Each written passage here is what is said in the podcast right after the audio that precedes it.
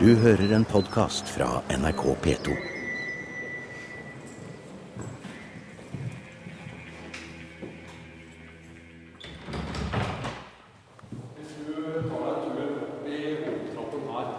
Så kan du, og deg litt utover dette fantastiske gelenderet, så kan du se opp gjennom en syv, syv.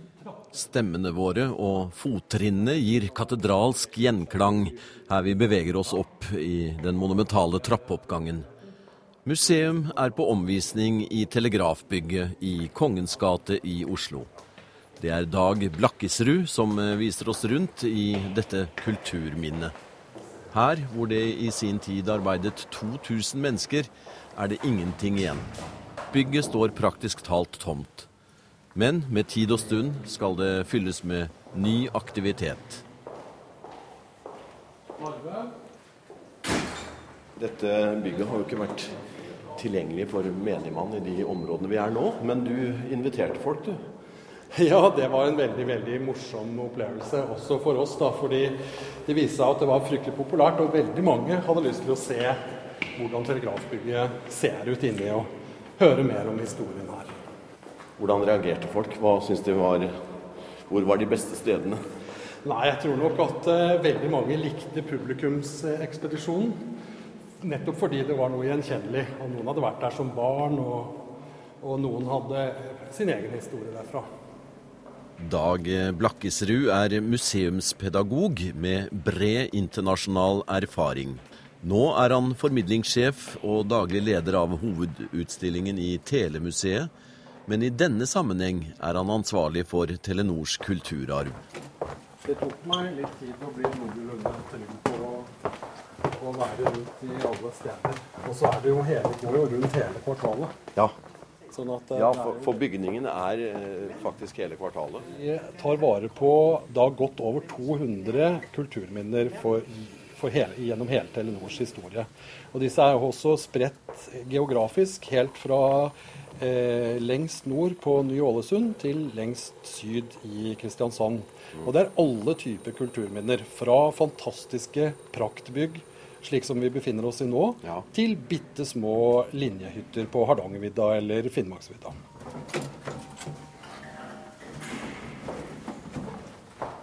Da er vi på vei inn i et eh, litt større rom her. Ja, nå går vi akkurat inn i publikumsekspedisjonen. Og her var jo da den store døren ut mot eh, Kongens gate, der eh, publikum kunne komme inn. Og i dette rommet som nå er eh, helt tomt, her var det fra begynnelsen av en telegraf, der folk gikk ut og inn for å sende telegrammer hit og dit, og ta imot telegrammer. Og noe senere, når eh, telefonen kom for alvor, så var det hit folk gikk for å ringe rikstelefoner, utenlandstelefoner eller ting som var mer omfattende enn du kunne gjøre bare fra hjemmeapparatet. Veldig kvadratisk, eh, flott rom. Og det første en eh, selvfølgelig legger merke til, er jo Er det en freske, eller er det Ja, dette er vel en eh, veggfrise eller en freske. Det er jo malt direkte på mur, så hvor freske er kanskje vel anbrakt. Eh, dette er Rolfsens eh, bilde, og det har nok sammenheng med byggets arkitekt eh, Arnstein Arneberg, som, som hadde Rolfsen som en av sine eh, tilknyttede kunstnere, for å si det sånn. Det er litt sånn sosialrealistisk. Ja. Det ja og nei. Det er eh, sånn at eh, eh, Rolsen hører sammen med Jean Heiberg, og, og de er jo alle sammen inspirerte av eller har vært til dels også vært elever hos Matisse i Paris. Så det er, dette er nok et eh, skal vi si, Matisse-arbeid på mange måter, eller gjenkjennelig som det. Ved første øyekast så ser vi at det handler om arbeidere som driver med forskjellige Her bygges landet. Her bygges landet. Men går vi nærmere inn på det, så ser vi at eh, det er en del ting som skjuler seg i dette bildet. Ser vi f.eks. På, på bekledningen på denne fiskeren helt ytterst i Ja. hjørnet her, så ser du at det oppstår et slags merkelig ansikt i bøyen av hans eh, Altså av hele kroppen og alle Ja, klærne. Som jo ikke i det hele tatt kunne sette ut sånn i virkeligheten. Nei.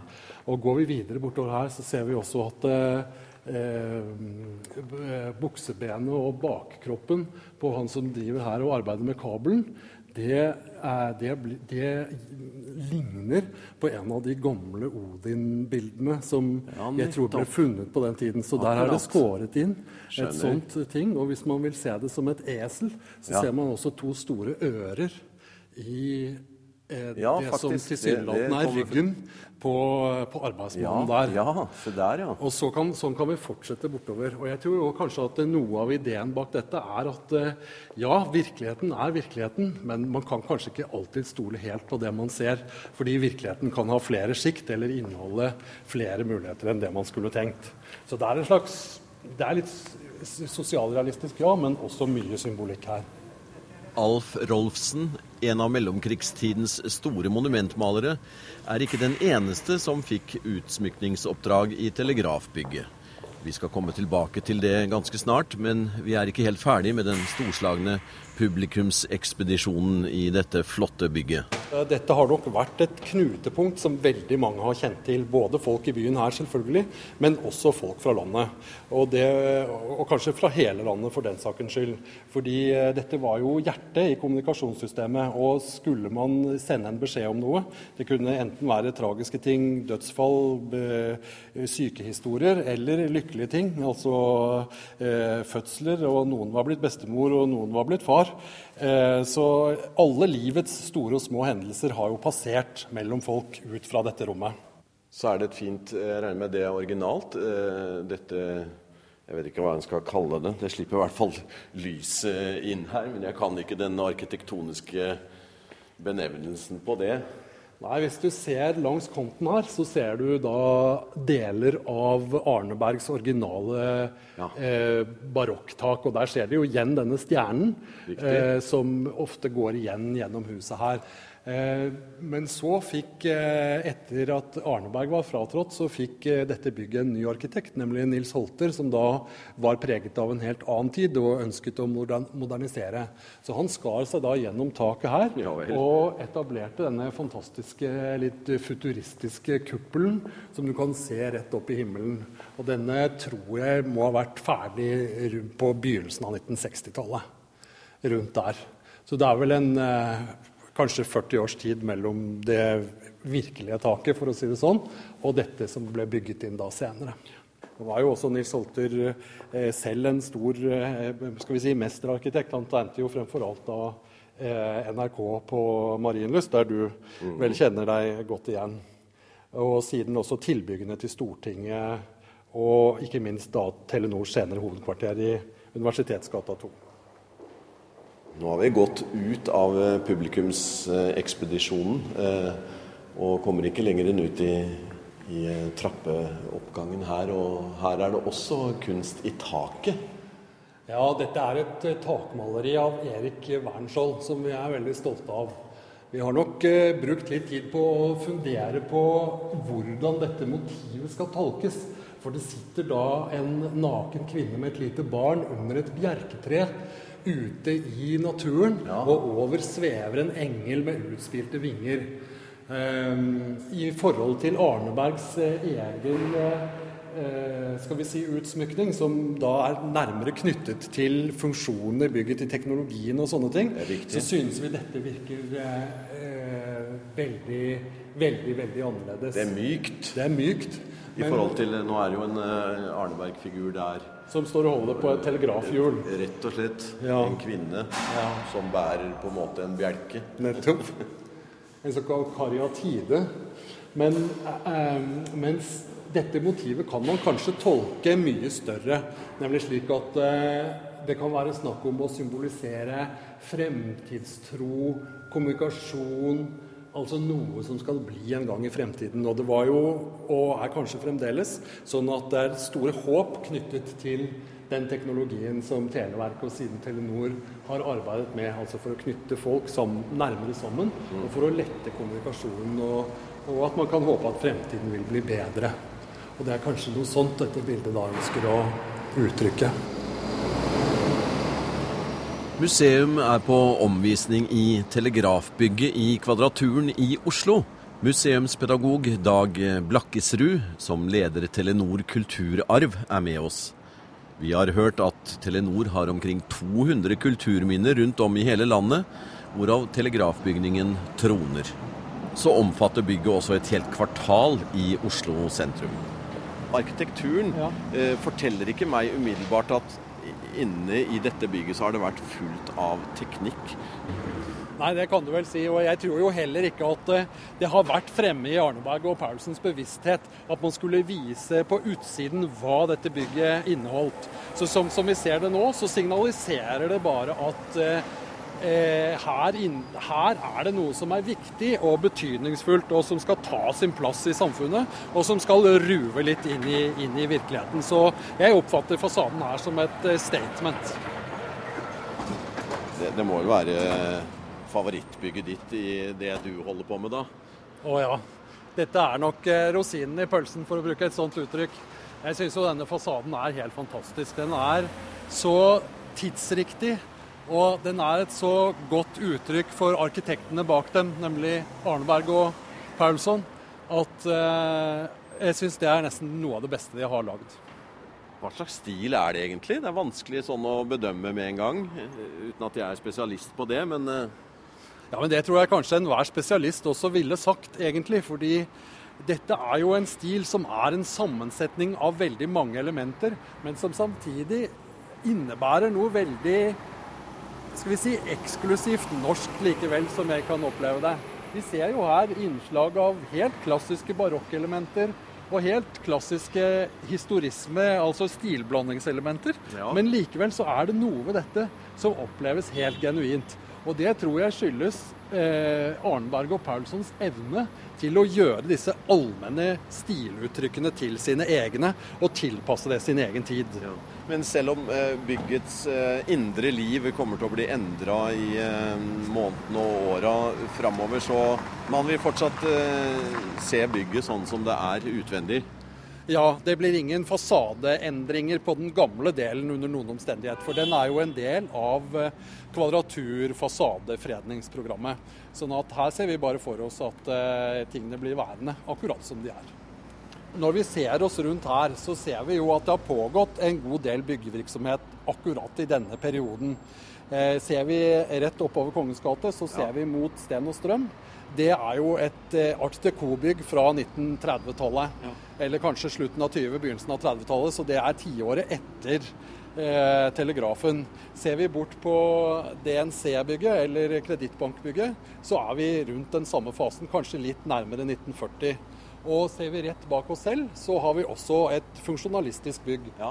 Men videre nedover gaten så ser vi at eh, det er 1800-tallet som dominerer. Og mye av det som er i Kvadraturen er jo til dels veldig gamle bygg. Det er jo her vi har de aller eldste bygningene som går helt tilbake til 1640-50-årene. Hei, nå er vi klare for deg i generaldirektør. Ja, nå har vi gått på edel marmor opp i tredje etasje til eh, generaldirektørens eh, kontor. Og nå skal vi åpne døren inn til det opprinnelige styrerommet. Det er fin klang her i huset. Ja, Man kan eh, merke at det er edelt materiale. Vi hører jo at det knirker litt i den båndsagede parketten når vi går. Parkett. Her er det en gammel peis. Ja, Dette er jo da en del av det originale Arneberg-interiøret. Du ser jo intarsia-arbeidene her, helt fantastiske trearbeider. Og peisen av Gjellebekk-marmor, naturlig nok. Og det er mørkt tre i taket. Ja, Dette er jo litt sånn spanskinspirert barokk, som er en del av takutformingen egentlig i hele bygget.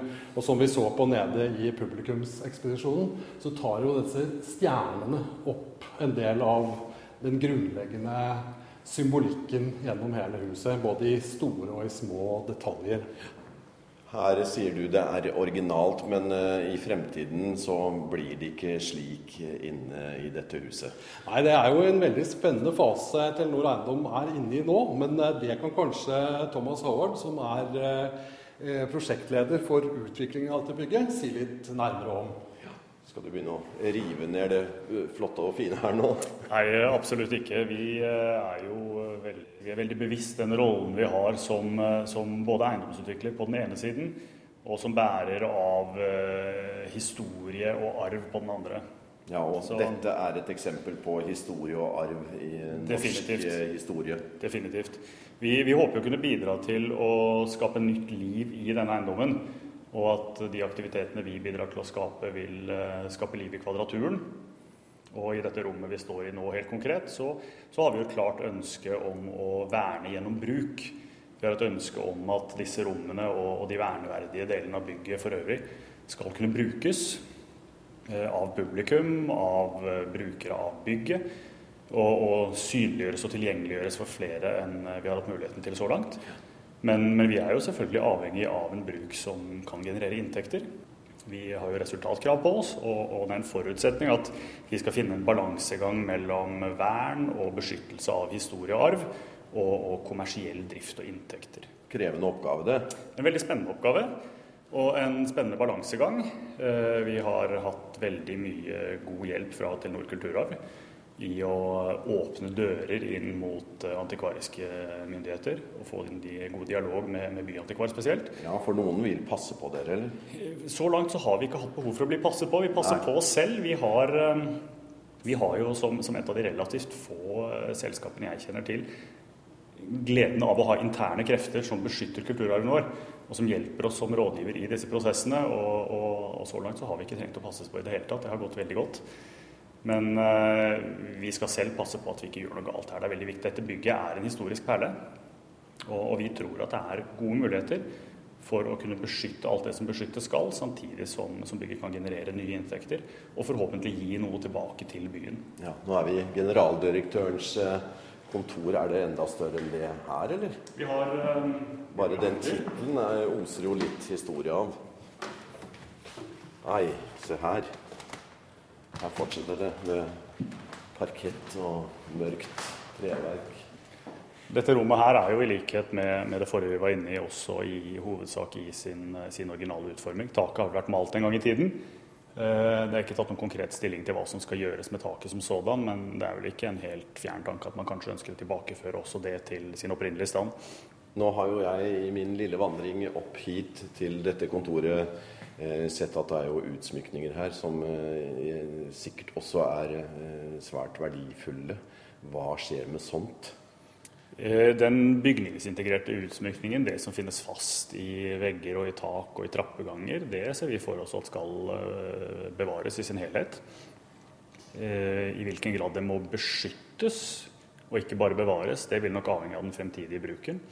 Men eh, vi ser for oss at det er mulig som jeg sa i sted, å finne en balansegang hvor vi satser på vern gjennom bruk. Dette bygget var jo, det var bygget for bruk. Det er jo brukt varige, solide materialer som selv etter 100 år fortsatt ser like flotte ut. Og vi håper jo at de tåler 100 år til, og kanskje mer enn som så. Thomas Howard i Telenor Eiendom må haste videre, men Dag Blakkesrud har en eh, liten hemmelighet å dele med oss på generaldirektørens eh, kontor. Her i midt på gulvet inne i styrerommet så ser vi to gjentettede åpninger. Altså vi kan se Ja. at det har vært noe der. Det ser ut som det har gått rør her, f.eks. Ja, men det har det ikke, for her har vært to pedaler. Og her satt altså direktøren og kunne styre med føttene signaler ut i bygget fra styremøtet. Ja vel. Og den ene, eh, den ene pedalen den gikk til sikkerhetsavdelingen. Og hvis han tror på den, så betød det her er det noen som skal ut herfra. Da ville vaktmannskapene komme øyeblikkelig. Og den andre går til kjøkkenet. Og der kunne man trykke hvis man trengte servering av noe slag. Den er mest slitt, ser det ut som. Ja, nå er, nok, nå er nok ikke denne sikkerhetsdelen vært i bruk veldig mye. For det var vel noe som var installert med tanke på vanskeligere forhold enn det det faktisk ble. Eh, og dette er jo da bare det som har tettet åpningene etter Skjønner. at disse tingene er blitt koblet fra. Det er litt skummelt å ha en sånn pedal under beina da, som kan, eh, Kan kunne komme til å trykke feil. ja, utløse krise. Ja. Men som vi ser her inne i hovedkontoret, som da ble bygget for eh, telegrafdirektør Hefti, som da dessverre døde i en flyulykke, som en av de første nordmenn vel, før han fikk flyttet inn i kontoret sitt. Så han så det mens det var eh, nesten ferdig, men han fikk aldri flyttet inn her. Men eh, som du ser, så er det litt eh, James Bond-stil her. Ut gjennom garderoben kan man ja. rømme. Se her, ja. En Eh, dør. Så hvis du åpner døra her sånn, så ser det ut som garderobeskap når eh, det henger klær eller andre ting der. Ja. Og så er det dør på baksiden rett ut i fluktgangen. Sånn at eh, hvis det skulle bli eh, farlig å være telegrafdirektør, så kunne man komme seg ut herfra gjennom uten at noen Ja. merket det. Med en flott Yale-lås, Ja. blant annet. Og når du snakker om låser, så skal jeg åpne en annen hemmelighet her i rommet. Og det er brannskapet. Og her tror jeg kanskje Olsenbanden hadde kommet til å fått store problemer. Og du ser at her går slående ut i én og to Oi, du og tre Nei, nei. forskjellige systemer. Og den gangen, da dette huset ble bygget, altså i perioden under og rett etter første verdenskrig, så var det jo eh, enda veldig mange gårder som ble bygget i Oslo eller i Kristiania uten eh, bad og uten vannklosett og uten sånne ting. Ja. Det var selvfølgelig ikke aktuelt her. Så inni de tykke mellomveggene så kan vi se generaldirektørens eget lille avtrede. Et toalett, ja. Og det var ikke så stor plassen, men eh, det skjultes godt inne i veggen, sånn at eh, ingen behøvde å vite at det fantes sånne ting her, hvis man ikke trengte å vite det. Og så da naturligvis litt eh, badefasilitet på den andre siden. her, ja. Du verden. På den tid var nok det moderne. Det var veldig moderne. Og dette bygget var jo også sin tids aller dyreste byggeprosjekt. Så det har aldri vært bygget noe tilsvarende her i landet da dette bygget kom opp. Og det hadde en samlet prislapp på hele 13 millioner kroner. Og det var så voldsomt at Aftenpostens forside sa at dette er jo helt vanvittig. Altså det er en sløsing med offentlige midler som ikke ligner noen ting. Men vi får komme tilbake til holdt jeg på å si, byggets historiske betydning og hvorfor det ble bygget. Vi var i en periode i landet hvor eh, Norge på en måte ble, var i støpeskjeen Ja. som egen nasjon. Ja. Men eh, det kan vi snakke om litt grann senere. Det kan Ja, nå har vi gått oss litt bort, men vi Det skal jeg love deg at det er folk med blødforskjell, folk som har vært her. nå setter vi oss på en krakk. Ja. Jeg må bare puste litt. Ja. Jeg er så gammel etter hvert at Ja, jeg orker ikke å gå oppover jeg kjente at jeg puster sjøl. Det er jo heiser her, da. Ja, nå har vi satt oss til på en eh, benk her høyt oppe i marmortrappen. Eh, Det var mange sånne benker rundt i bygget, og de hadde en spesiell funksjon. Eh, Dette var jo, som vi snakket om, en stor kvinnearbeidsplass. Og blant de mer særegne tingene som var før, før krigen, var jo at eh, det å ha menstruasjon var ikke regnet som fraværsgrunn. Men det man da kunne få når man hadde en sånn periode, det var fem minutters ekstra pause for å gå og sitte på en sånn benk som vi sitter på nå. Så når man satt der, så visste jo alle hva som var grunnen til det. Men eh, det var kanskje ikke så pinlig, for de satt vel der alle sammen. Så, så pga. dette spesielle kvinnemiljøet så lot det seg kanskje an, eller gikk det kanskje an å, å ha en sånn løsning. Ja, Det er nesten som et sånn hagekrakk med sprinkler og Ja, det ligner på det. Ja. Men behagelig og Det var vel kanskje noen som eh, juksa litt òg, og satte seg ned her uansett. Det kan vel tenkes, og det er jo ikke utenkelig at jeg hadde litt humoristisk tilnærming til et sånt, til et sånt tema. Ja, her er det jo også noe litt morsomt når vi får denne denne fantastisk gedigne trappen. I marmor. I marmor, altså i Gjellebekk-marmor. Det- Bortsett fra dette bygget her, så er det bare Marmorkirken, eller Kuppelkirken i København, som er helt dekket med Gjellebekk-marmor. Det sier litt om hvor edelt dette materialet er. Ja. Hvor kommer den fra da? Nei, dette er hentet i et brudd utenfor Drammen. Altså ikke langt fra der eh, E18 går ned imot Drammen. Oppe på åsen der var marmorbruddet på 1700-tallet. Gjellebekk heter stedet, da. Heter stedet. Ja, nå ser Og vi når du ser her, så vi tenker at det kanskje har gått 2000-3000 eh, personligheter opp og ned i trappen her. Ja, det har blitt en dag. grop. Og de har ofte hatt dårlig tid, for du kan se at eh, slitemerkene er akkurat der som eh, løper, når du løper når du har Ja, dårlig tid. og korteste vei, for det er helt inn til søylen. Helt riktig. Og når du tar foten over en sånn, så kan du kjenne slitedumpen, men den kjennes jo ut som et mykt materiale, og ikke som stein. Ja. Men, men denne marmoren er, er da av helt spesiell kvalitet, og er nettopp derfor hentet hit for å smykke da dette bygget som var sin tids aller dyreste og mest påkostede bygning i, i Oslo, eller Kristiania som det heter. Vi er kommet til veis ende etter å ha sett bare en brøkdel av de 24 000 kvadratmeterne som telegrafbygget i Oslo har innenfor sine vegger. ja, nå har vi satt oss ned i denne litt moderniserte avdelingen med lave tak og kaffemaskin. Du har fortalt at det var det dyreste bygget i sin tid, og en allerede da kjent arkitekt, Arnstein Arneberg, som senere tegna Rådhuset i Oslo. Hva kan du si om dette byggets som et et monumentalt bygg inn i en tid. Her er vi på rundt 20-tallet. Ja, det er vel sånn at eh, vi mennesker vi bygger fantastiske bygninger til det vi er mest opptatt av.